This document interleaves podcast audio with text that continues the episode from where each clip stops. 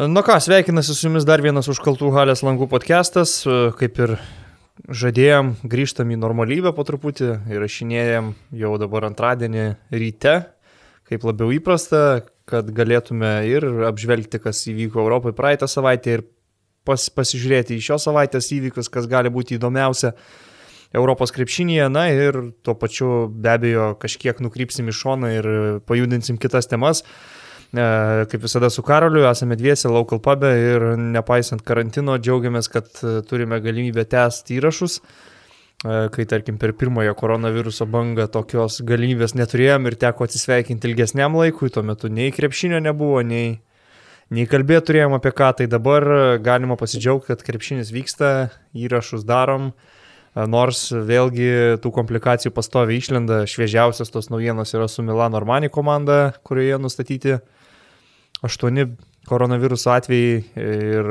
tai yra komanda, kuri šią savaitę turi žaisti du mačus Rusijoje, vieną nukeltą su Zenitu, vieną normalų, kaip pridera devintojo turo su Himki ir nelabai aišku, kaip ten kas bus. E, bet manau ir apie Armanį, ir apie visus kitus iš eilės pasikalbėsime. Visų pirma, Karolis sveikas gyvas, kaip, kaip gyvoji, kaip laikais paskelbus tą jau tikrąjį karantiną Lietuvoje. Sveiki visi, pas mane niekas, niekas visiškai nepasikeitė, aš šiaip ar taip namie, namie sėdžiu e, jau kurį laiką ir, ir stengiuosi neiti nešvesti ir, ir tiksliau tik neiti ir nešvesti, o švesti galima ir namuose randant, Jeigu yra ką. Randant jo progą. Paskutiniu metu šiaip jaučiuosi kaip žmogus, kuris greitų metu gali netek darbo Lietuvos ryto trenerių štabe, nes žiauriai pradėjo skaudėti nugarą jau maždaug apie savaitę, tai, tai stengiuosi su tau, tuo dylinti. Tau nugarą man protinį dantį vakar žiauriai skaudėjo, iš tikrųjų dabar tokie laikai, kai mažiausiai norisi kokiu nors medicininių procedūrų kreiptis į klinikas ar panašiai norėtųsi kiek įmanoma to išvengti, tai pasitvarkiau namų sąlygom dantį, bent jau įrašo metu turėtų atlaikyti, bet e, nemalonų ženklai vakar reiškia, kai laiku visų neišsitraukiai protinių dantų. Vieną išsitraukiau, kitus palikau ateičiai ir tada bam atėjo pandemija. Tai va pasibėdavojom apie savo sveikatos problemas, senatvę, senatvės fargus ir skausmus, tai galim perėti turbūt prie krepšinio. Šiaip man atrodo, praėjęs podcastas buvo jubiliejinis 50, tai Oho. su tuo mūsų abu ir sveikinu. Mm, geras. Nebuvau. Jeigu Patpinas nemeluoja, nes rašo, kad esame kelią 50 epizodų, Aha. man atrodo, ten buvo keliama viskas. Tai... Jeigu taip, neskaičiuojant ten tų visų mūsų papildomų atskirai jo, jo, jo. rubrikų, kurios buvo ankstesniam sezonė, tai jo, gali būti visai realu, kad toks skaičius. Tai gerai, galim pasidžiaugti tikrai sėkmingą partnerystę bendradarbiavimą su Basket Newsais prasitęsusio jau iki vieno jubiliejaus, tikimės pramuš turbūt ir kitą jau šimtai jubiliejų, tai esam pusiaukeliai ir, ir ką, pradėkim gal nuo, nežinau, gal dar net nuo šios savaitės, gal pavyzdžiui, tu žiūrėjai Himkicas karungtinės. Leningradskaja derbi. Kaip, kaip tau patiko uh, vieningos lygos mūšis, ar buvo Eurolygos kokybė, ar buvo kažkas prastesnio? Uh, CSK turbūt geriau atrodo Eurolygoje, nors e, praėjusį, pavyzdžiui, sezoną tikrai atrodė, kad e, vieningoje lygoje, lygoje gali būti intriga pagal sezono pradžioje turėtą sudėti su, su, su Mosgovu, su, su kitais Himki atrodė kaip klubas galintis mesti iššūkį ir ilgą laiką Himki E, būna ta komanda, kuri bent jau reguliariajame sezone kovoja dėl aikštės pranašumo atkrintamosiose ir, ir tai bent jau pagerina savo padėtį prieš vieningosios lygos playoffus, nes CSK yra ta, ta komanda, kuri turi garantuotą vietą Eurolygoje Himki, dėl tos vietos visada kiekvieną sezoną reikia, reikia kovoti. Tai Himkai gal labiau būna motivuoti reguliariajame sezone vieningoje lygoje. Rungtynės gavosi neblogos. E, kaip ir Rimas Kurtinaitis pabrėžė, Gregas, manau, yra geriausias nukarą žaidžiantis aukštaugis ne tik Europoje. O gal ir Amerikoje buvo iškeltas klausimas. Įdomu, kiek Rimas Kurtinaitis mato nugarą žaidžiančių aukštaugių Amerikoje ir, ir, ir kaip jis jau sudėliojo, bet e, rungtynės gausi neblogas, tikrai e, Himki gerai atakavo CSK gynybą pikiam popai su Jordano Mikiai, tolinimais metimais, už Himki beje nežaidė Devinas Bukeris, toliau traumą gydosi Stevanas Jovičius ir, ir gal dar kažkuris žaidėjas nežaidė, bet aišku, čia ta rotacija šiek tiek skiriasi nuo Eurolygos, nes visada į, į tą katilą reikia įmesti vietinius žaidėjus, tai, tai jie labiau derinasi tas minutės, bet Himki vieną Aleksėjų Švedas išmetė 12 metimų, kas yra jam nedaug, bet pataikė tik 2, tai atrodė, kad CSK tą Vilo Klaiborno pastatymas prieš Aleksėjų Švedą e, tikrai yra geras sprendimas, bet e, išlindo, vis, išlindo visi kiti, trūko pagalbos gynyboje prieš Gregą Monro e, Aleksėjų Švedo prasiveržimo metu. Erikas Makolumas užžaidė jau kelintas rungtynės iš eilės geras, Jordanas Miki pataikė iš toli ir, ir taip rungtynių gale Himke atsilaikė prieš CSK šturmą. Jo, čia turėtų būti pats geriausias dalykas Kurtinaičiui iš to, ką matom pastaruoju metu, kad Erikas Makolumas gali žaisti su Aleksėjim Švedu ir kad Švedas nėra toks jau beviltiškas egoistas, kad e, gesintų komandos draugą, kuriam tuo metu geriau sekasi. Tai pasirodo visai įmanoma žaisti su jais abiem kartu aikštelėje, dėl Grego Monro tai dėl tų jo žaidimo nugarai krepšį įgūdžių, man atrodo, niekas niekada ir nekėlė abejonių. Visi vertino kaip tik, kad tai yra elitinis centras nugara, kad jisai ir užbaigimo baudos aikšteliai turi ir aikštelės matymą. Visada visi klausimai ir kritika buvo grinai dėl jo gynybos. Tai ir yra pagrindinė priežastis, kodėl jis iš gerai vertinamo MBA centro, kuris ten rinkdavo po 15 taškų ir 8 atkotus kamolius, kai kuriuose sezonuose tapo nereikalingų dešimties dienų kontrakto žaidėjų, kurio kelias pasuko galiausiai Europą. Tai viskas buvo dėl gynybos ir, na, čia Himki trenerių štabui galima dėti pliusą, kad kol kas bent jau iš visų rungtynių, kurias žiūrėjau Eurolygoje, tų jo gynybos trūkumų tiek jau daug ir nesimato, kiek matydavosi, tarkim, žaidžiant Müncheno Bayernė praėjusiame sezone. Apskritai įdomus tas variantas yra, kad Jordanas Miki labiau žaidžia kaip ketvirtas numeris, nors yra realiai šio laikiniam krepšinėje tikras amerikietiškas centras, bet tokį balansą vis tik randa priekinėje linijoje su juo, su Monros, su Jerepko, dar be abejo, kai grįž Devinas Bucheris, tai irgi žaidėjas į centro poziciją. Na, bet žodžiu, galima pasidžiaugti už Rimą Kurtinaitį ir už visą tą Himkį lietuvišką trenerių štabą, kad po neįtikėtinai sunkios sezono pradžios su koronavirusu, su traumuotais žaidėjais, kurių reikėjo ilgiau laukti, su penkiais pralaimėjimais Eurolygoje, pralaimėjimais vieningoje lygoje, ten kokiam komandom Astanai, Saratovui turbūt ir panašiai.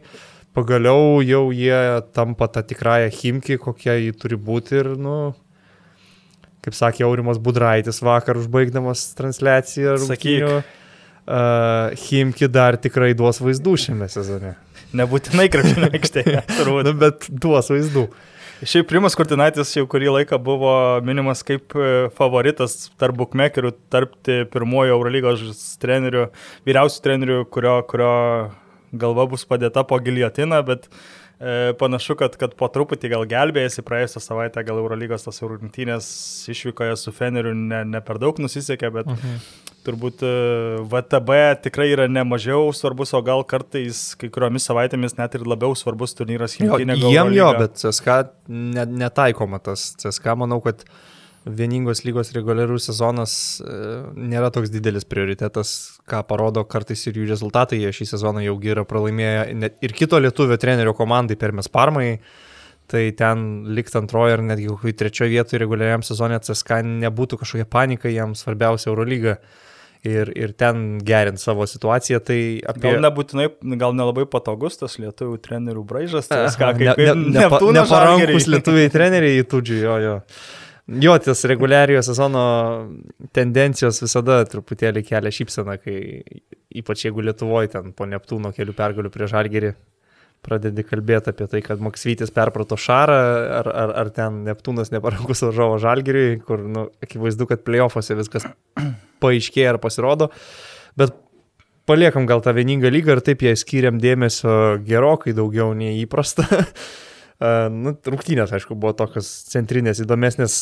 Grįžkim praeitą savaitę į Eurolygą ir pradėkim nuo Kauno Žalgirio rungtynės su Madrido Realu, paskutinės rungtynės kuriam laikui Lietuvoje apskritai su žiūrovais, jų buvo 300, buvo net keli. Nepilnai ten gal. Nepilnai 300, jo buvo netgi keli Ispanai realą palaikantys aistruoliai su klubo atributika ir Ispanijos vėliava. Bet čia vietiniai ar, ar jie atskrido? Nu, aš manau, kad vietiniai turėtų būti. Bet, Erasmusai. Bet, nu, tarptų tarp tos saujelės kelių šimtų pateko ir, ir, ir žmonės, kurie ėjo už realą sirgti, bet žodžiu, himnas buvo gėdamas vis tiek, nors ir labai e, keistai skambėjo tokio didelėje, didelėje atmosferoje. E, 300 žmonių. Eurolygos himno nenušvilpė. Eurolygos himno niekas nenušilpė. Įdomu, šiaip man ar Žalgirio namų rungtynėse patys krepšininkai testa himno tradiciją žaidžiant be žiūrovų.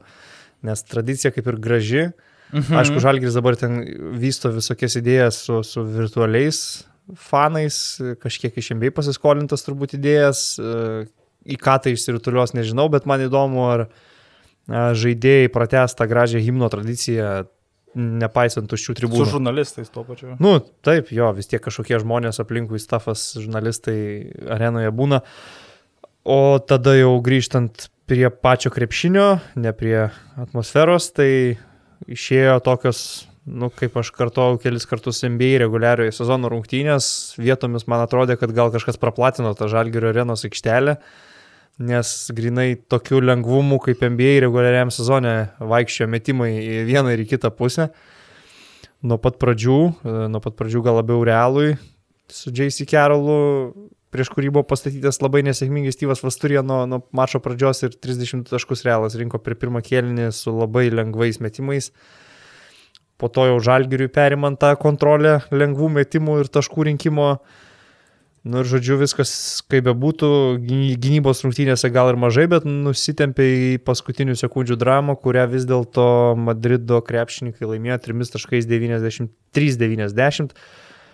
Kaip tu manai, ar teisinga būtų iš žalgerio pusės žiūrėti šitas rungtynės kaip neišnaudota puikų šansą ir ar sutiktum, kad vis dėlto Valteris Tavarešas buvo tas pagrindinis faktorius nulėmęs rungtynių baigti? A, sunku būtų nesutikti, turbūt e, Žalgiriui reiktų prisiminti, kad e, ilgųjų periodų Žalgiriui ir taip sekėsi pergalė prieš Olimpijakosą, kur, kur turbūt e, kažkuriuo metu atrodė sunkiai pasiekiama lygiai tas pats su Osveliu buvo atsiliekant. E, didelių skirtumų ir su Realu irgi buvo atsiliekama pirmoje rungtynių pusėje, bet kai pirmauji gale keturiais taškais, turi kamuolį likus porai minučių, tai vis tiek yra, kad ir prieš ką žaistum. Neįmėti iš pokrepšio gal. Jo, gale. tris kartus neįmėti iš pokrepšio, e, Lauvernie bandė kartot, prasirydeno pro lanką, tada Tomas Vokupas pro galinę įkirto irgi prametė tikrai gerą metimą, Grigonis savo flauterį prametė, įmesk bent, nežinau, vieną ar net ir du metimus ir, ir turbūt jau realas būtų turėjęs bauduoti žalgerį, o ne, o ne atvirkščiai rungtynių gale. Įsiminė tai, kad realas ir žaidė tą savo laisvą, paprastą krepšinį, nežiūrint į rezultatą. E, Tavaresas pradeda, paskui jis keičiamas, paskui vėl išleidžiamas. Kai kurios e, kitos komandos žaisdamos prieš Elą šį sezoną sugebėjo Tavaresą neutralizuoti ir pataikydamos iš toli, ir tuo pačiu išprovokuodamas jo pražangas. Žalgiriui tai ne visai pavyko, nors pirmoje pusėje Tavaresas gavo dvi, ar tai, jo, dvi, atrodo, dvi, dvi, dvi greitas baudas, bet uh, vėliau, tarkim, ketvirta, ketvirto kelnio pradžioje E, Tavaresą pakeitus uh, Trey Tompkinsu ir žaidžiant kartu su, su Anthony Randolphu, uh, turbūt Realo treneris Pablo Laso viskas, ką pasakė Tompkinsui, tai gausi kamuolį ir mes gausi ir mes prie, prie jo nespėjo. Pirmą metimą prametė po, po kampaco perdavimo, vėliau Martinas Gebenas nespėjo gaudyti. Jo, jis pataikė du tritaškius, pats Gebenas prametė ir iš karto Martino, o atsiprašau, Martino Šilerio timeoutas, Gebenas išimamas ir gražinamas Lauvernie. Mm, jo, iš tikrųjų, Valteris e, Tavarešas tapo didelė problema, kaip ir prieš tai dar rungtynėse didelė problema Žalgiriui buvo kitas 2,21 cm ūgio žaidėjas, Falas, Svelio centras, nors tai yra labai skirtingi žaidėjai. Tavarešas gal tik kokį vieną kartą žaidė nugarą į krepšį grinai baudos aikštelėje vienas prieš vieną, iš esmės visą žalą jis Žalgiriui darė iš pick and rollų ir polime atkovotų kamolių. Ypatingai skaudus buvo tie jo polime nuimti kamoliai antroji rungtinių pusėje, tarkim, momentas, kai jis gavo kamolį giliai baudos aikšteliai, Vasturija tyčia prasižengdamas gauna nesportinę.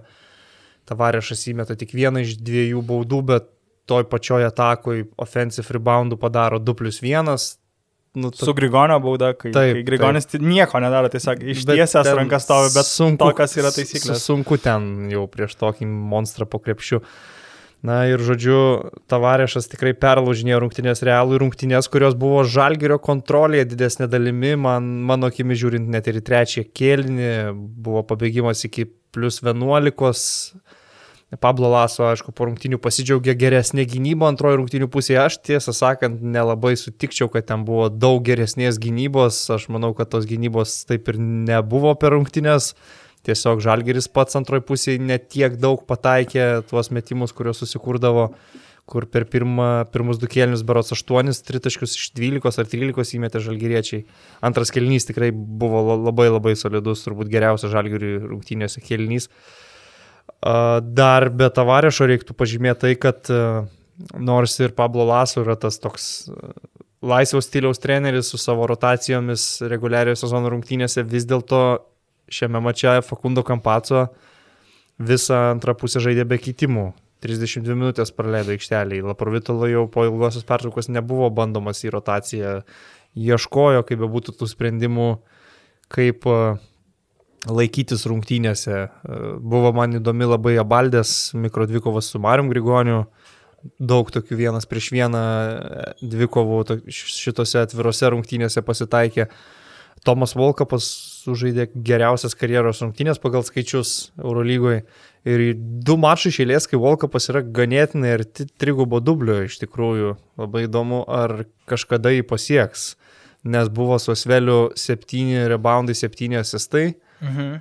O dabar su Realu, jeigu atmintis neapgauna, buvo 9 asistai ir 6 arba 7 reboundai. Tai labai arti, kaip yra sakoma, flirtuoja su trigubu dubliu.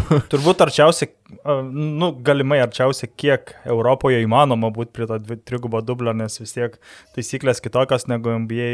Galbūt kai kuriuose situacijose galima sakyti, kad Europoje asistą gauti lengviau, nes kai tu perdodi kamuolį ir, ir tas žaidėjas, kuris kamuolį turi išprovokuoja pražangą arba prieš jį tiesiog prasižengiama tą automatiškai. Jo, bet, bet Europoje asistas... mažiau atakų ir, ir reboundų tiek daug susirinkti. Jo, jo, bet, bet ypač vis, žaidėjai. Visa kita NBA yra, NBA yra pusėje, ten ir ilgesnės rungtynės ir ten gali ir, ir gauti ant tritaškio, suklaidinti, prasiveršti, dar ten kažką padaryti, įmest jeigu, jeigu sekretariatas geras užrašys tą asistą, ten labai priklauso, jo, kur, nu, kurioje arenoje žaidikas rašo. Europos reboundais esmė, nes nu, žaidėjas, kad rinktųsi daug labai atšokusių kamolių, retai pasitaiko, plus, kaip sakiau, mažiau atakų, mažesnis žaidimo laikas ir dešimt surinkti per rungtynės sudėtinga. Čia centrai renka dvigubus dublius irgi netaip dažnai. Tarkim, Eurolygoje nėra žaidėjų, kurie vidurkį rinktų dvigubą dublio, kas NBA yra, nu, absoliučiai įprasta, kad komandos startinis pagrindinis centras renka dvigubą dublio skaičius. Tai jo, tai Volka po toks pasirodymas 90 e, žalgyrio taškų, kaip ir atrodė viskas įvykdyta tam, kad žalgyris nugalėtų realą, bet dėja pabaigoje trijų iš eilės tavarešo rollų neuždengė.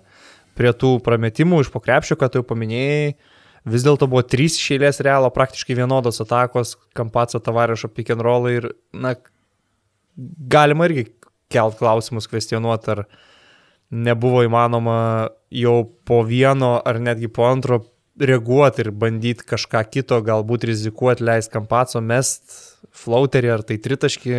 Nu, čia dabar jau po laiko. Jo, nu arba nueiti lengva kažkur, kalbėti. Kažkurio šonę stovinčio krepšininko, taip, kad ir taip pusiau laisvą leisti. Nu, rizikuot kažkur, nes tu matai, kad tavarišas tau vinis kalą į krepšį ir, ir su tuo nieko negali. Ir atrodė, kad tas vienas dėjimas po kito, kuo toliau, tuo lengviau jis deda. Pirmas buvo gal dar net sunkiausias, o paskui, kai įsibėgė, ten nieko nėra prieš ką, prieš ką dėti arba mažas žaidėjas, arba iš vis nieko nėra būdas aikštelėje. Bet čia irgi dar vienas dalykas, kuris man primena NBA reguliarių sezoną, dėl ko tos paralelės vis kildavo, kai lemiamuose svarbiausiose atakuose tu matai du išėlės aliupus ant kiek laisvai yra įžaidžiamas pick and rollas pirmo numerio su penktu. Tai va, Žalgeris patyrė pralaimėjimą, nors tiesą sakant, dėl žaidimo šį kartą kaip tik gal daugiau buvo tokio teigiamo įspūdžio nei kažkokio negatyvo. Pralaimėta atsigaunančiam realui, vis geresnė forma demonstruojančiam realui, kaip be būtų, tai yra elitinių žaidėjų rinkinys. Nebuvo pilnos visiškai sudėties realas, bet vis tiek geros, gerą rotaciją turėjo Pablo Laso. Žalgiris vėl demonstravo tą atrodo paprastą, bet labai efektyvų polimą, kuris puikiai veikia prieš, prieš, prieš realą didesnę dalį rungtynių, net ir per tą pirmą kėlinį, kuriame patys žalgiriečiai prasileidinėjo 32 taškus, užpult nebuvo problema iš tikrųjų. Nuo pat pradžių ir Rubito geriai išėjimai, ir gynėjų linijos puikus žaidimas, galbūt nesužaidė šį kartą taip sėkmingai tik tai Žofrilo Vernas iš, iš priekinės linijos žmonių. Na, kitas dalykas, kurį norėjau dar pažymėti, mes čia esam seniau kalbėję apie Vasilijos Panulio. Ai, okay. Na, nesportinės, tai aš jau tiek išsakęs, kad pabodo jau šiek tiek, bet labiau apie Eurolygos veteranus, nes esam kalbėję apie Spanulio gestančią tą žvaigždę.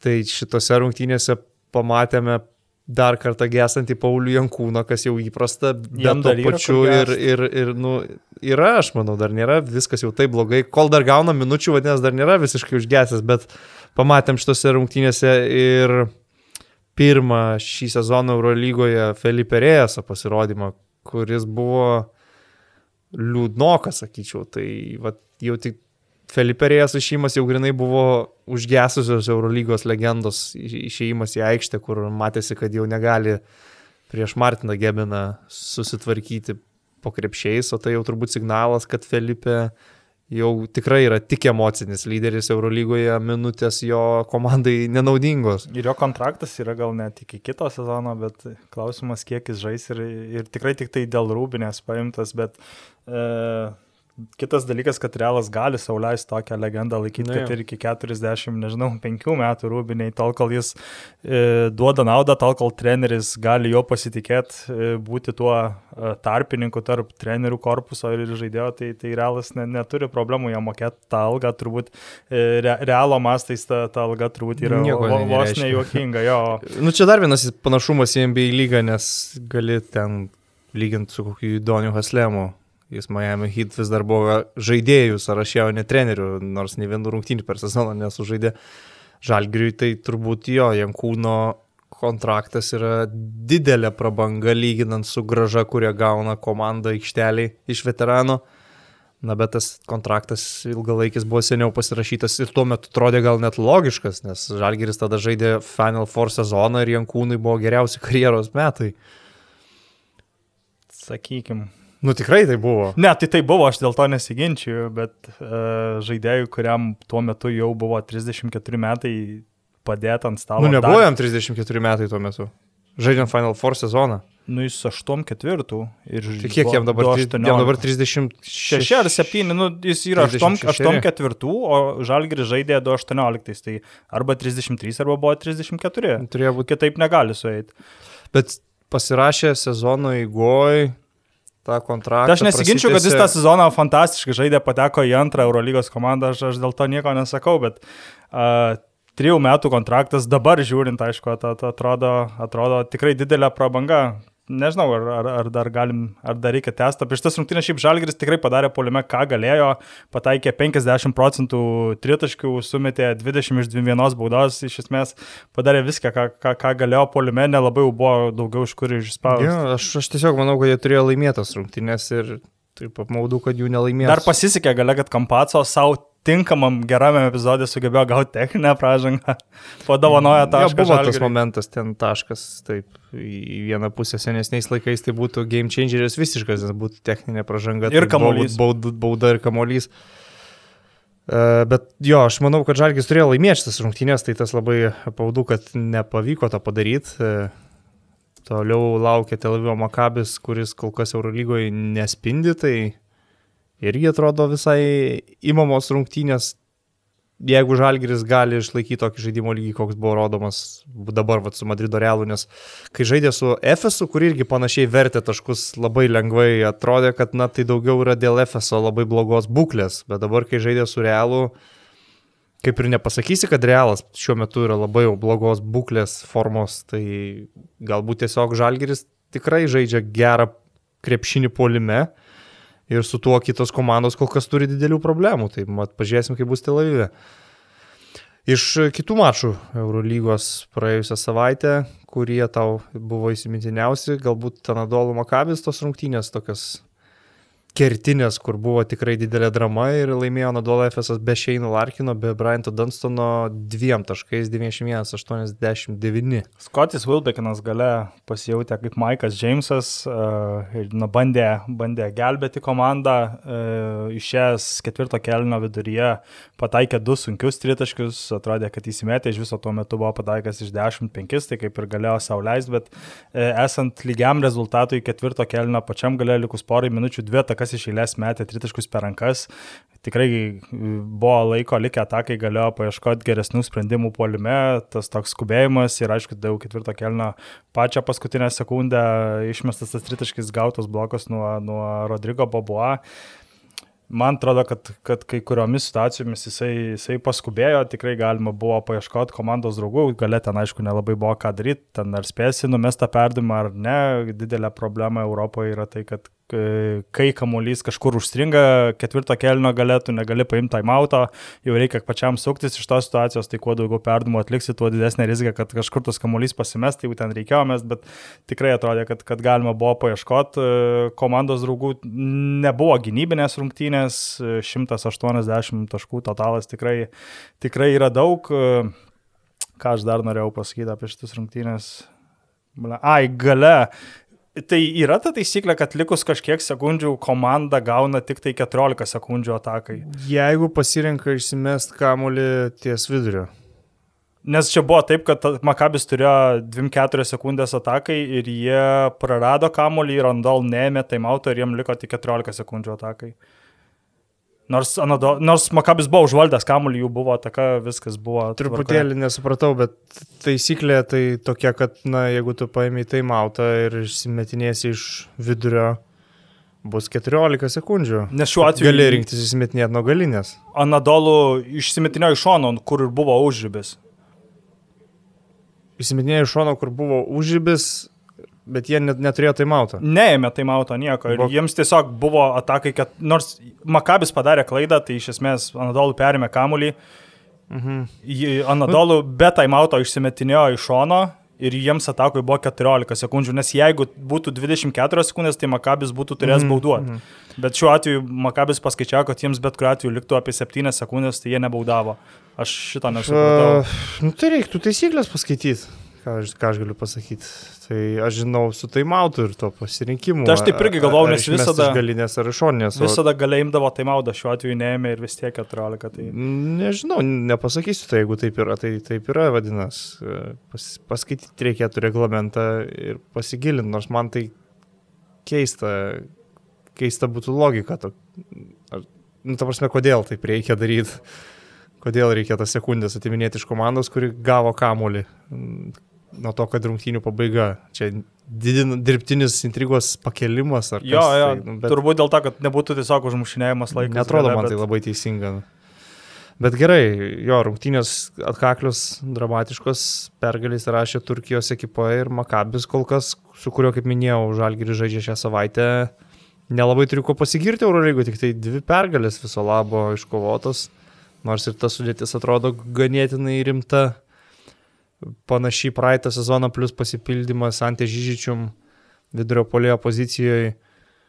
Mm, per, renkasi jie ten tas pergalės Izraelio pirmenybės ir taurėse, bet tas nelabai ką turbūt parodo Eurolygoje, kol kas laimėjo tik tai du kartus, tai tikrai kuklus rezultatas.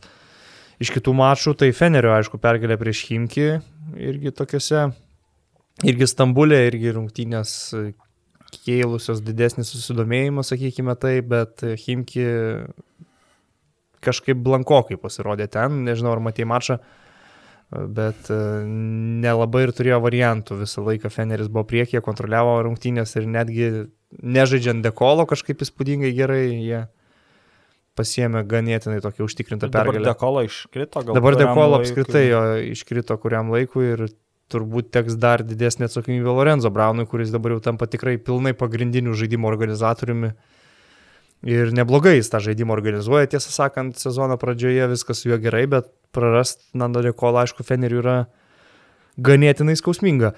Kurie kiti mačai galbūt tau e, įsimintinį atrodė, man pavyzdžiui, Baskonijos Vėlis rungtynės taip ja. nustebino, ką reiškia, kai komanda jau turi pilną sudėti, prie Svelio prisijungė tie krepšininkai, kurių nebuvo rungtynėse su Kauno Žalgiriu. Tai ir Norisas Kaulas, ir Antuanas Dio, kuris sužaidė fantastišką mačą, ir Williamas Howardas, Richardas Lomažas, dar kelios pavardės. Na žodžiu, kai jau gavo savo įžaidėjus ir galėjo žaisti taip, kaip nori TG Parkeris, sužaidė puikų mačą Vitorijoje ir laimėjo prieš, prieš Baskonijos klubą. Rungtynės dar įsimintinos ir to, kad įvyko falų dvikova aikštelėje, tai Mustafarijus su Fafalai du centrai.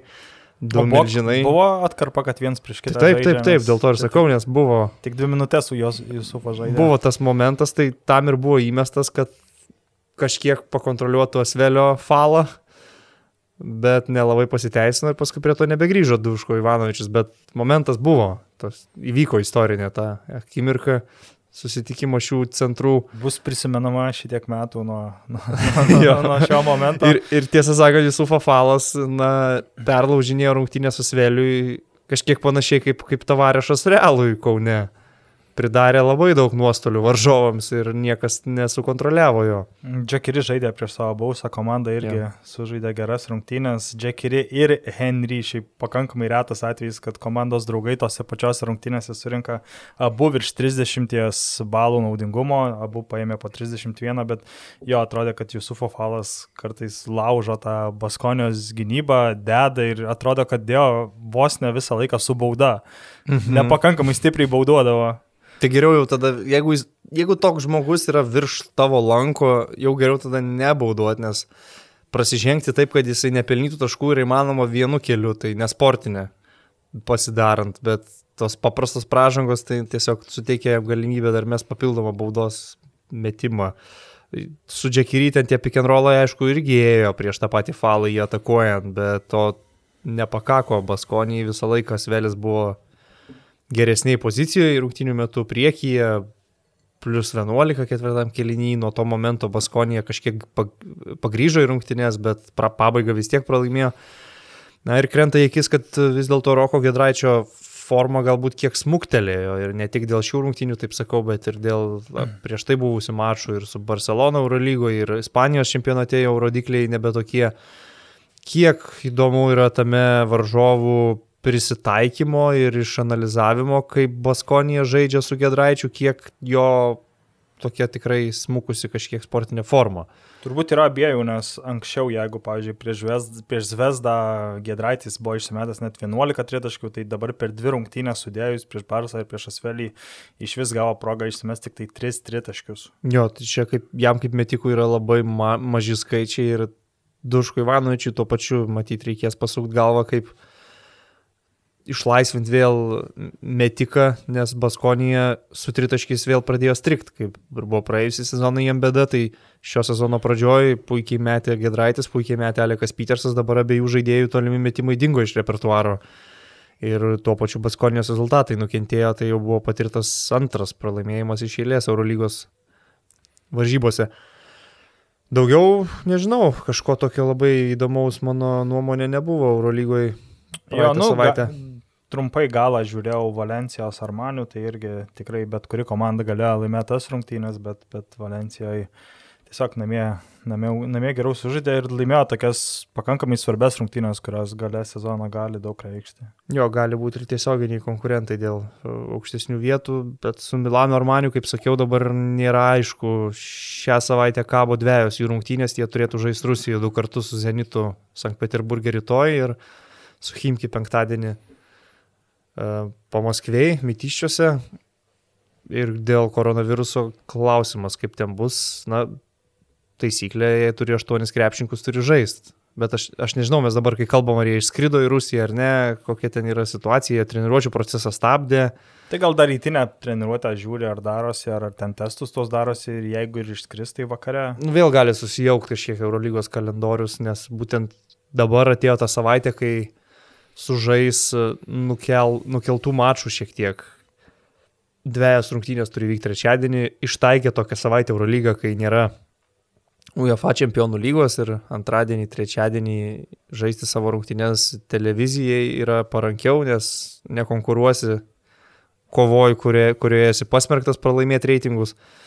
Tai dabar būtent dviejos tokios rungtynės. Lygiai tas pats šiaip daroma ir Eurocapė pirmadienį rungtynę sužaidė Slovenijoje Olimpija su, su Bursas Poru, o jau rytoj mes beje įrašinėjame, priminsiu antradienį, tos pačios komandos žais jau Turkijoje, tas pačias rungtynės, nes pirmas mhm. rungtynės buvo nukeltas iš anksčiau, tai, tai lygiai tas pats ir su Eurocapu ištaikyta ta diena, kai ta savaitė, kai nevyksta iš esmės joks aukšto lygio futbolas ir bandoma sukišti viską, ką tik įmanoma. Mhm. Nu teisingai, aišku, elgesi gaunasi tokių papildomų dvigubų Eurolygos savaičių kai kurioms komandoms, bet su tuo reikia susitaikyti ir kiek įmanoma tam reikia pasiruošti.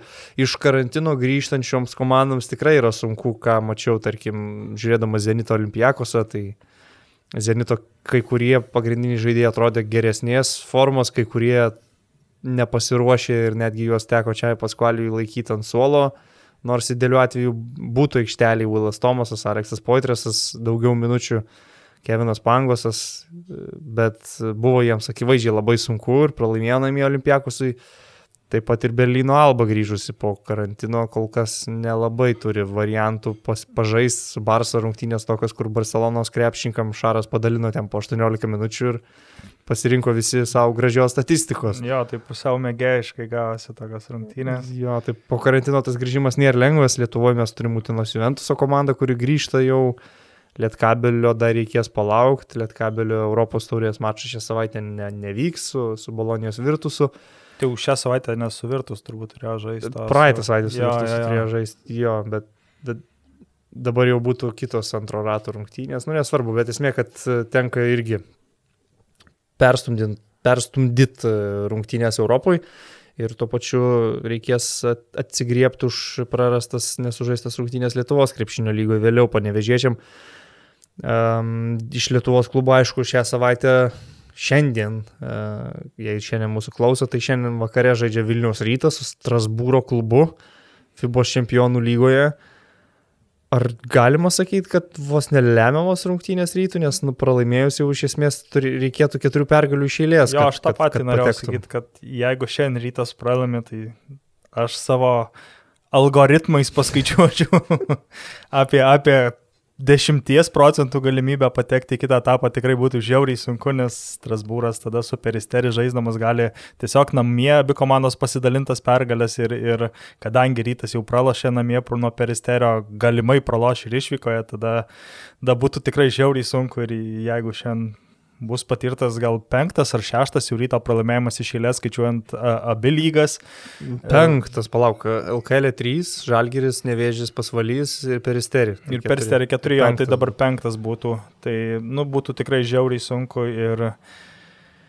Uh, nežinau, tikrai labai daug e, debesų virš ryto, labai daug nežinomybės, kas ten vyksta. Dabar žaidėjai kaip ir, kaip ir grįžta. Praėjusią savaitę kalbėjom apie Morison Duro galimą atvykimą. Ta pačią dieną buvo paskelbta, kad Duras atvyksta. Kitą dieną atrodo jau iš tikrųjų ir atvyko, žaidė pasvaly. E, jo forma turbūt irgi nėra pakankamai aiški, kaip jis atrodo, kaip prisitaikys prie komandos. Nesutarimai tarp Donaldo Kairo ir Andrew Gaudiloko.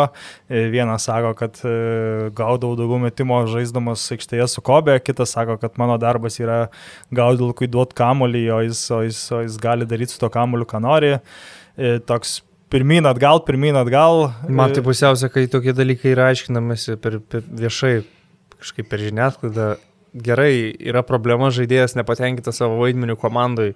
Tai turbūt kiekvienoje komandoje yra tokių. Viduj turi tokie dalykai spręstis ir ten aiškintis, žiūrėti, ar tu gali kažką kaip treneris daugiau paro žaidėjų, o galbūt pats žaidėjas nepakankamai duoda iš savęs, nes toks Gaudulokas, pavyzdžiui, okei, jis nori kamulio, bet jis gynyboje yra tiesiog neegzistuojantis. Net prieš kūnas. pasvalį. Nu, tai prieš bet ką jisai gintis. Turbūt ne, tas atvejis, kai ne tik, kad nenori, bet ir negali. Ta prasme, bus susideda į vieną vietą ir nenori, ir negali dėl savo pajėgumų šio, šioje karjeros stadijoje.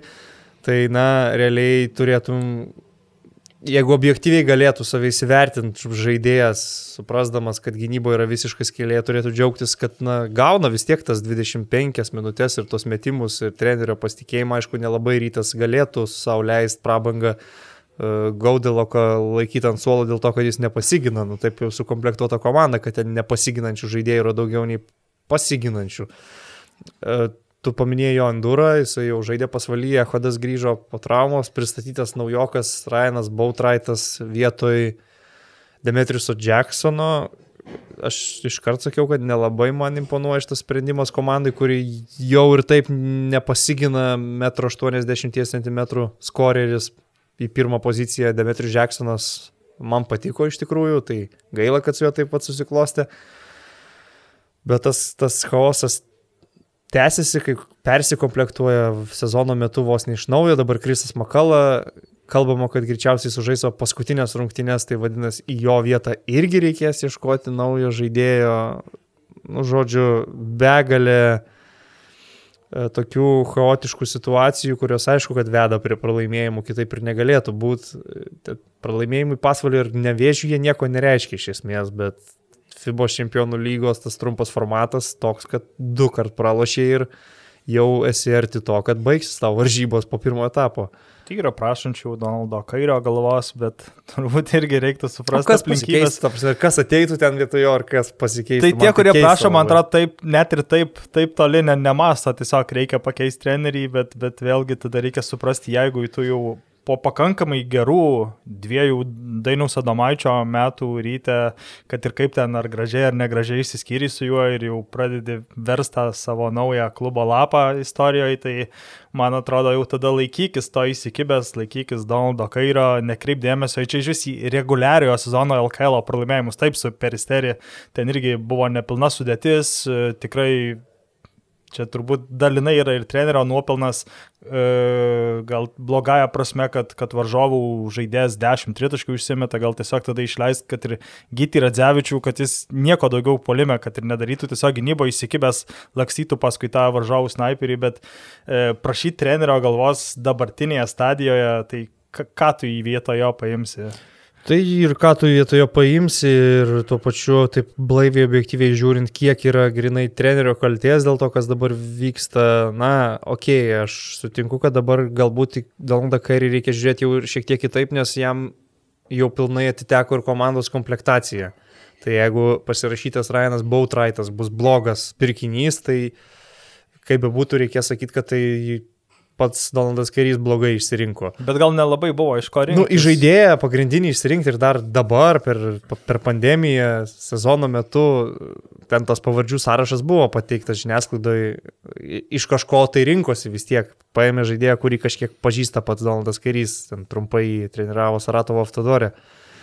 Nu, bet... Uh, na, iš esmės, ant kiek prasidėjo tas sezonas su lūkesčiais užkeltais ir tai, kas yra dabar dar tik lapkričio pradžioj, labai kontrastuoja stipriai ir dėl tų trenerių keitimų, tai man, man atrodo, kad tiesiog daug yra žmonių, kurie nelabai sugeba, sugeba priimti dabartinio ryto pajėgumo realybę, nes tie patys žmonės, kur reikalavo Domaičio galvos, prieš tai reikalavo Kurtinaičio galvos, prieš tai dar kaž, kažkieno galvos, dabartinis rytas yra komanda, kuriai sužais sezoną, patenkant į LKL finalą, į savo Europos turnyro, kuriame dalyvauja antrą etapą ir kažkiek pakovo dėl Mindaugo taurės irgi patekti į finalą yra gerai. Dainis Adomaitis, pavyzdžiui, visus šitus dalykus padarė ir praeitą sezoną ir pagal ryto pajėgumą, pagal tai, kaip ta komanda komplektuoja, kaip dirba organizacija, kokias ten vyksta srovės su ten ponu Gudeliu ir, ir jo samdomai žmonėm,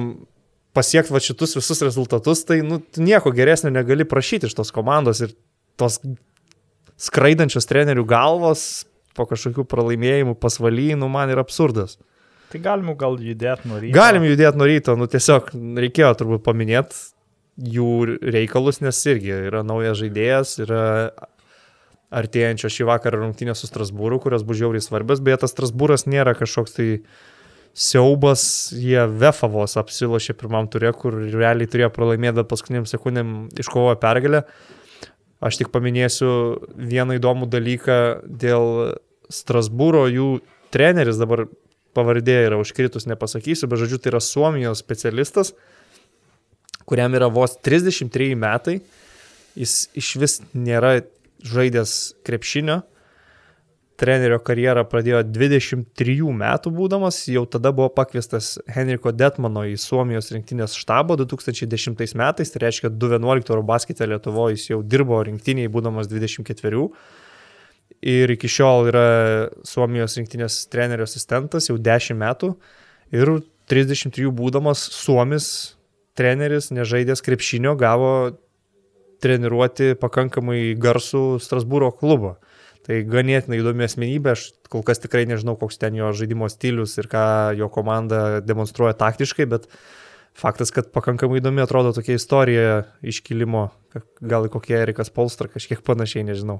Man tai įsiminė, kaip rytas keliavo į Strasbūrą, jie nuskrido iki Frankfurto ir tada gal keturias valandas važiavo autobusu, kas, nežinau, nu, atrodo, atrodo įdomiai, suprantu, kaip e, Loko keliauja į Panevežį, nes ten nėra kur nuskristi, bet kai, kai tu nuskrendi iki Frankfurto ir tada ten išsikvieti varžovų komandos autobusą ir tada važiuoji autobusą. Bet blemba, dabar aš, aš šiuo laikotarpiu turbūt kuo labiausiai nenorėčiau būti žmogum, kuris yra atsakingas už logistiką tų komandų ir, ir kai tau reikia suorganizuotas keliones į Europą ir mes vis tiek kalbam apie mažo biudžeto komandą, kuri vis tiek turi ieškoti savo ekonomiškiausio varianto, žiauriai nenorėčiau turėti šitą atsakomybę organizuoti tą logistiką, nes nu, tai yra labai, labai sunku ir komplikuota. Ir, Ir taip jau buvo kažkuriai Graikijos komandai, sorry, dabar pamiršau, kuri buvo užsisakius bilietų žaisti išvykoje su, man atrodo, Atenu AEK, bet e, tas rungtynės nukėlė savaitę vėliau ir tada, kai jau turėjo vykti rungtynės, ta varžovų komanda iš salos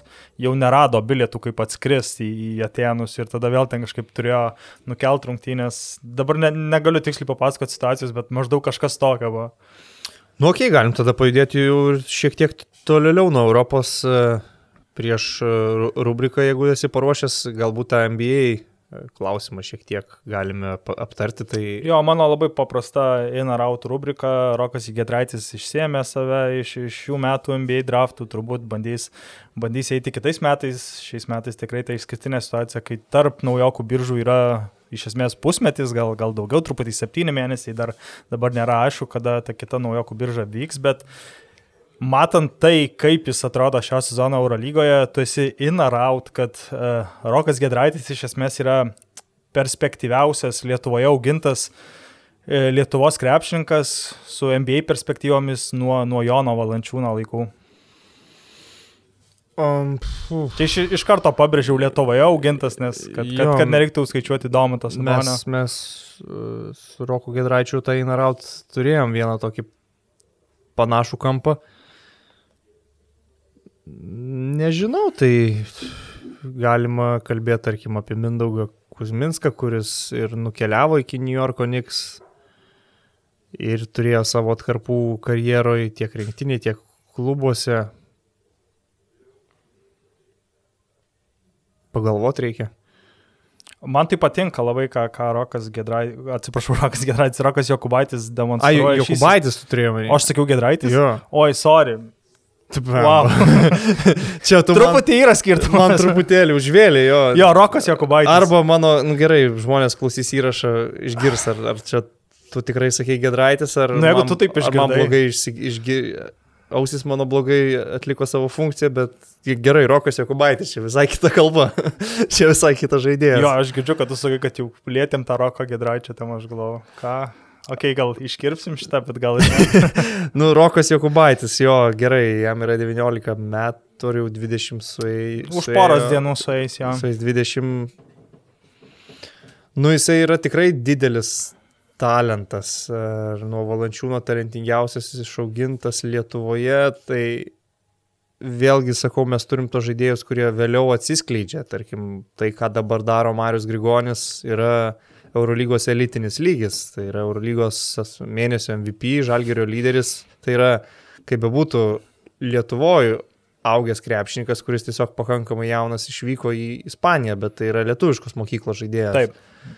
Nu tai aš nedrįščiau, sakyčiau, metu, kad Rokas Jokubaitis yra didesnis talentas, tarkim, už Marių Grigonį ir kad jis turi didesnės perspektyvos.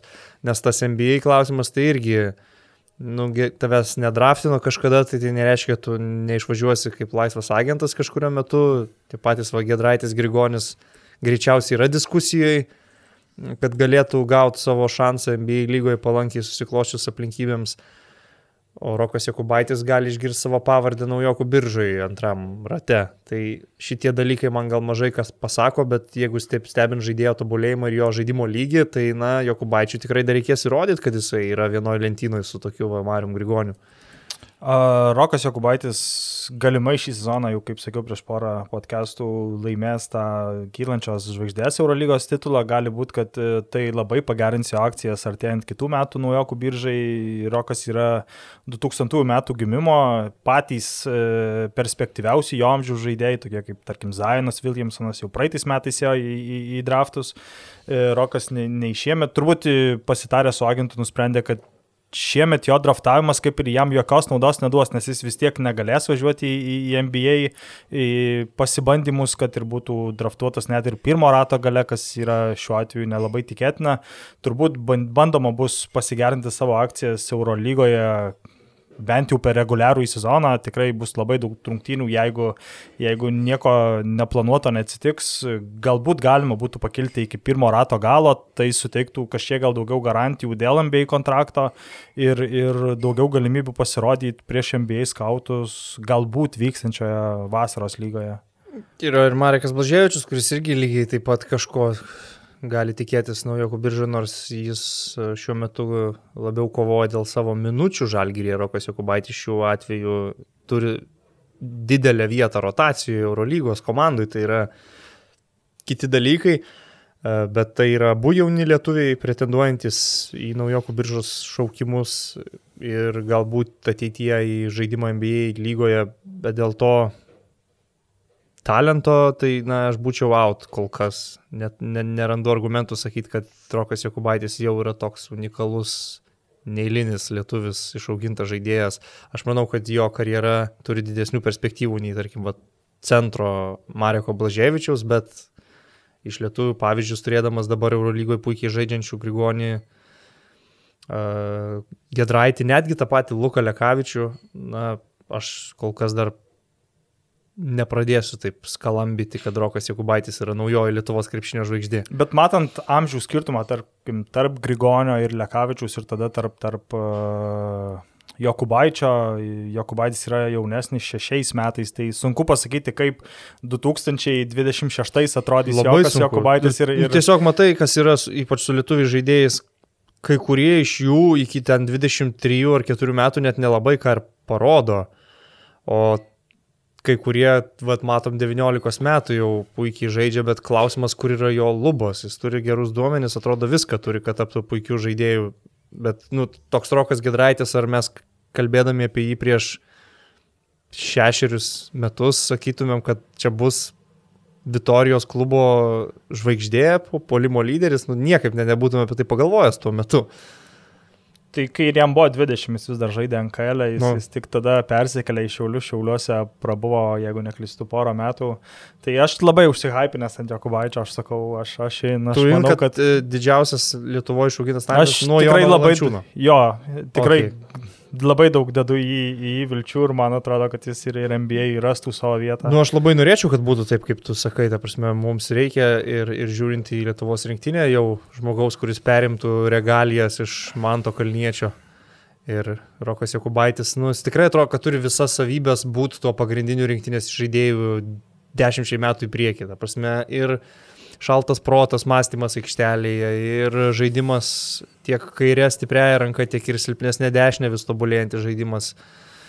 Uh, geri duomenys tapti ir solidžių žaidėjų gynyboje, kas irgi man atrodo labai svarbu, ypač NBA skautam žiūrint, nes manau jie mato potencialiai gan didelio ūgio pirmo numerį, kuris galėtų būti ir patikimas gynyboje.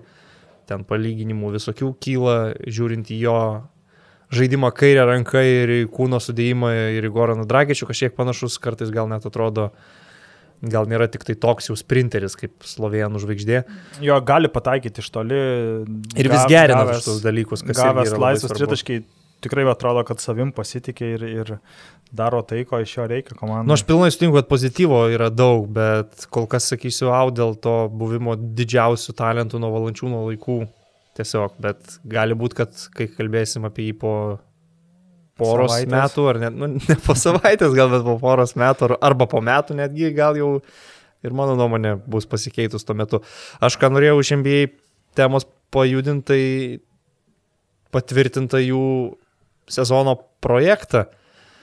Prieš tai buvo tai gandų lygyje, dabar jau visi kaip ir skelbia, kad yra pasiektas sus- susitarimas ir žaidėjų asociacija irgi jau visą tai palaimina startuoti gruodžio 22-ąją, išlaikyti tą kalėdinių, šventinių, naujametinių taip pat rungtinių tradiciją, žaisti kažkiek patrumpintą reguliarų į sezoną. Ir diskusijos dabar vyksta, ar tai yra teisinga, nes ten kai kurie sako, kad e, čia gruodį pradėt nesąmonė, Lebronas net neturi normalių atostogų atsigauti po dar praeito sezono Orlando burbulo. Kita diskusija yra pavyzdžiui, kad e, neblogai žiūrėjosi ir gan didelę intrigą turėjo tas play-in turnyras dėl paskutinių vietų į playoffus, ypač vakaruose, stebėti tą Portlando Trail Blazers spurtą į aštuntą vietą buvo ganėtinai įdomu ir tarsi tokia idėja siūloma, kad galbūt tas, tą formatą reikėtų palikti toliau, kad komandos matematiškai negalinčios patekti playoffus atsisijoja ir tokiu va, turnyro principu dėl paskutinių kelialapių žaidžia tik tai tos, kurios dar turi šansų, kad tu, pavyzdžiui, galvotum apie tai. Tai būtų turbūt viena geresnių mano kada nors gautų gimtadienio dovanų, nes jeigu rungtynės Amerikos laiku prasidėtų gruodžio 22, tai reiškia per mano gimtadienį gruodžio 23 jau grįžtų NBA. Uh, tas hypas tikrai būtų labai didelis, bet vėlgi jis truktų turbūt iki kokios gruodžio 28, kai Atlantas su Klyvlendu pradėtų žaisti ir Na, iki naujako, iki sausio pirmos. Jo, jo, jo. Šventės vis tiek. sakykime, jo, žmonės niekur gal ne visi eitų į darbus, sėdėtų namie, žiūrėtų kažkai, tol ir truktų turbūt, bet tai aš esu in, kad, kad, kad jeigu čia buvo in ar out Na, čia šiaip buvo, rubrika. buvo aptarimui aktualijų. Aš esu in, kad, kad, kad rungtynės grįžtų kuo, kuo greičiau, žaidėjai tikrai turėjo ilgą laiką be žaidimo tarp, tarp praėjusio sezono nutraukimo ir grįžimo į Orlando burbulą.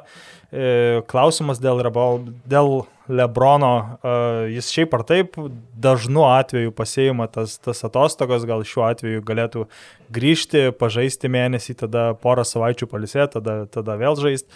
E, tikrai man atrodo, kad šiuo atveju būtų rastas kompromis, kompromisas tarp komandos vadovybės. Tas pats lygiai ir, ir kliperiuose tikrai būtų rasta laiko tiek Paului Džordžiui, tiek Kawhi Leonardui e, palisėti, nes, nes tikrai tas poilsis po praėjusio sezono nebus ilgas, turbūt kai kurie žaidėjai palisės 2-3 savaitės ir, ir, ir atgal į, į bent jau pasiruošimą kažkokį, vėliau ir komandinės treniruotės prasidės. O dėl play-in turnyro, man labai patiko, kas, kas vyko praėjusią sezoną, aš nesu tikras, ar, ar verta jį praplėsti tarp 7 ir 10 vietų, kad tada jau keturios komandos, mhm. tarkim, kovotų dėl, dėl to paskutinio kelialapio, ar tarkim 8-11 vietos, keturios vietos žaistų dėl to vieno kelialapio, šiaip ar taip ta 8 vieta yra ta tokia komanda, kuri dažniausiai būna arba praspiriama iš kelio į, į kitą etapą, arba arba laimi maksimum, nežinau, vienas ar, ar gal ir dvi rungtynės, tai kurį laiką tai būtų įdomu, bet e, ilguoju laikotarpiu tai, tai nebūtinai kažką labai pakeistų, nes ar, ar Lakeriai arba Clipperiai žaistų su ten, nežinau, pelikanais ar dar su kažkuo, ypač iki keturių pergalių, tai didelio skirtumo nėra.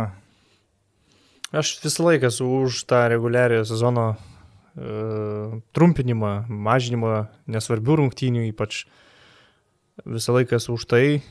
Nežinau, kiek tai yra įgyvendinama ilguoju laikotarpiu, kai jau grįšim į normalų gyvenimą, nebus pandemijos ir sporto kalendoriai susibalansuos ir bus tokie, kaip buvo anksčiau. Manau, kad vis tiek kažkada tai bus, gal kitais metais, gal po dviejų metų.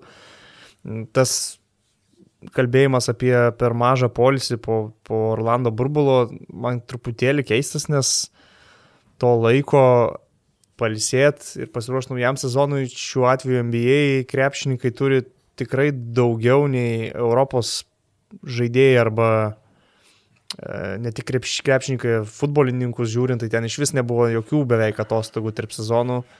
O NBA, kada jie pasibaigė, tai buvo, Kaip kas? nu, nu finalas, kada baigėsi. Tai Spalio spalio pradžia buvo. pradžioj, Spalio jo. pradžia. Nu, tai Tai jau okay. dabar yra, man atrodo, daugiau praėję negu mėnuo nuo, nuo, nuo rungtynių, kuriuose žaidė tik dvi komandas. Tai reik, reiktų prisiminti, kad yra komandų kiek aštuonios, kurios nežaidė jau iš esmės metus. Tai Orlando burbulė jų nebuvo net. Taip, ir taip. yra tų, kurios, na, Orlando burbulė tik taip padalyvavo. Kaip Bruklinas. Sakykime taip, su tokia sudėtim, kurios mes ir nematysim. O dėl, dėl Lebrono jau tų, tos gretinėlės vadinamos, nu, man atrodo, jeigu spalio pradžioje baigėsi sezonas, tai yra laiko ir atšvest, ir pailsėt, ir normaliai pasiruošti naujam sezonui, susirinkus gruodžio pradžioj. Ir galų gale visi suprantam, kad na, reguliariojo sezono pirmos savaitės ar ten pirmie mėnesiai netgi nėra tas metas, kai ten Lebronui Jamesui reikia re- rodyti savo geriausią krepšinį. Tai nu, man truputį keista, kad čia yra problema iš to daroma. Kaip tik atrodo ganėtinai normalus variantas startuoti prieš naujus metus, prieš šventės, išlaikant savo tą komercinę naudą iš tų šventinių rungtynių, kurios žmonėms yra kaip tradicija. Žaidėjo asociacija tai patvirtina, tai puiku, aš tai manau, kad čia viskas yra gerai. Reiktų suprasti, kad sekantis sezonas yra iš esmės pereinamasis tarp tos makalynės, to chaoso, kurį yeah. įnešė korona ir 2021-2022 sezono, kada bus bandoma grįžti į normalybę, e, su, sudėlioti tas visas datas, kurios vyko ir iki tol pasibaigti kažkada birželį, tobulo atveju pradėti laisvų agentų rinką, kažkada liepą įkišti draftus, įkišti vasaros lygą ir bus bandoma grįžti į normalybę, dėl to bandoma pradėti kuo anksčiau, nes jeigu, e, kaip buvo gandai, kad, kad e, sezonas būtų pradėtas sausio viduryje prieš Martino Liuterio Kingo e, dieną, tai turbūt sezonas vis tiek būtų planuojamas baigti lygiai tuo pačiu metu kaip ir šiuo atveju, tiesiog reguliarius sezonas būtų dar trumpesnis, visa lyga prarastų dar daugiau pinigų ir, ir turbūt nuo to kentėtų ir žaidėjai, ir klubai. A, tai aišku, kad jeigu lyga ir klubai praranda pinigus, tai natūralu, kad žaidėjim irgi reikės priimti tai mažinantį savo atlyginimus. Kol kas apie tai gal nėra daug kalbama, bet atrodo sunkiai išvengiamas dalykas, dar jo labiau, kad tas sezonas bus tikriausiai su tuščiom arenom bent jau kurį laiką. Aš nežinau, kaip ten jungtinėse valstijose e, bus sprendžiama dėl, dėl žiūrovų sporto renginiuose, bet pagal tai, ką matom dabar abejotina, kad gruodį jau taip viskas bus gerai, kad bus pilnos arenos žmonių, galėsi vėl pardavinėti bilietus ir, ir visi kiti irgi labai svarbus finansiškai dalykai kiekvienai organizacijai. Um, man dar įdomu, kiek nukentės, tarkim, olimpinės žaidynės, jeigu jos įvyks nuo tokio NBA sezono, nuo tokio jų kalendoriaus, ar pavyks JAF nusiųsti savo stipriausią rinktinę į Tokijų, e, kur žaidėjai gal ir norėtų paimti olimpinį auksą ir visi suinteresuoti, kad tai būtų, bet jeigu tai jiem kirstusi su NBA finalais ar NBA apskritai playoffais, klausimas. Kiek? Tai iki Liepos galo gal neužsitęstas sezonas bus bandoma kažkaip jį suspausti, galbūt tos olimpinės atrankos bus net perkeltos dar porą Dėl porą olimpinių pačių, aišku, nieko nežinom, kaip Taip, bus, taip, taip, tai... apie olimpinės atrankas iš vis net nėra ką kalbėti. Neįmanoma kol kas kalbėti. Jo.